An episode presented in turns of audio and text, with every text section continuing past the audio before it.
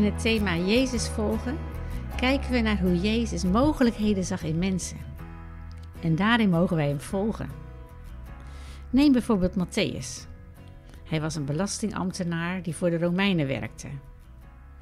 Nou, als Jezus je zou vragen wie hij als discipel moest kiezen, denk ik dat de meeste mensen niet op hem zouden stemmen. Je zou kunnen zeggen dat er drie Matthäussen waren. De Matthäus zoals hij zichzelf zag, de Matthäus zoals anderen hem zagen en de Matthäus zoals Jezus hem zag. Want iedereen dacht dat hij de echte Matthäus zag. Wie had er nou gelijk? Het lijkt wel een soort wie van de drie. En die wie van de drie geldt voor ons allemaal. Hoe we naar onszelf kijken, hoe anderen naar ons kijken en hoe Jezus naar ons kijkt. Jezus investeerde drie jaren in Matthäus. En hij werd degene die het eerste evangelie schreef. Daar zie je in dat Jezus niet keek naar mensen zoals ze waren, maar zoals ze zouden kunnen worden. En vandaag ziet hij jou en mij en ziet wat en wie jij en ik kunnen worden. En net zoals een beeldhouwer zich het kunstwerk voorstelt dat hij gaat maken uit steen, zo kunnen wij ook leren naar andere mensen te kijken. En ik vind dat een van de prachtige mogelijkheden die God geeft en die vaak als je bidt met mensen wordt aangescherpt. Bijvoorbeeld in ministriegebed, als je met twee personen voor een derde bidt en dan luistert naar God, dan krijg je soms ideeën over iemands gaven en mogelijkheden. Zo kun je naar mensen leren kijken. Vraag God: Heer, wat voor gaven heeft u in deze persoon gelegd? Waar wilt u hem of haar mee zegenen?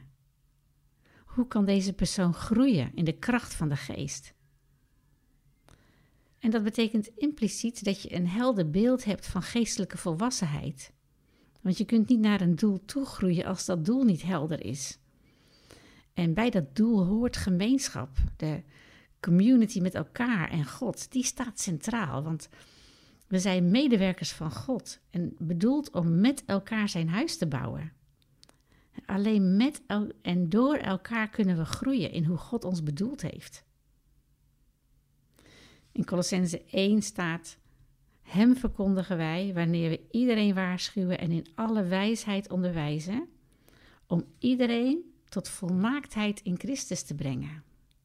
Daarvoor span ik me in en strijd ik met Zijn kracht, die volop in mij werkzaam is. Het is met elkaar kunnen we die volmaaktheid bereiken. Maar in deze tekst vind ik vooral die laatste woorden heel intrigerend. Wanneer was de laatste keer dat ik met iemand was en de kracht van Jezus door mij heen voelde werken? En hoe was dat bij jou?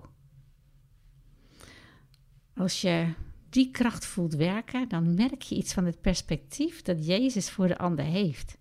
En dan zie je mogelijkheden oplichten. Geweldig. En wij bidden u, Vader, vul ons met uw geest. Geef ons de manier van kijken van Jezus, zodat we Zijn beeld van hoe de ander een volwassen christen kan zijn voor ons zien. Zodat we samen uw huis bouwen, waar u met vreugde in kunt wonen.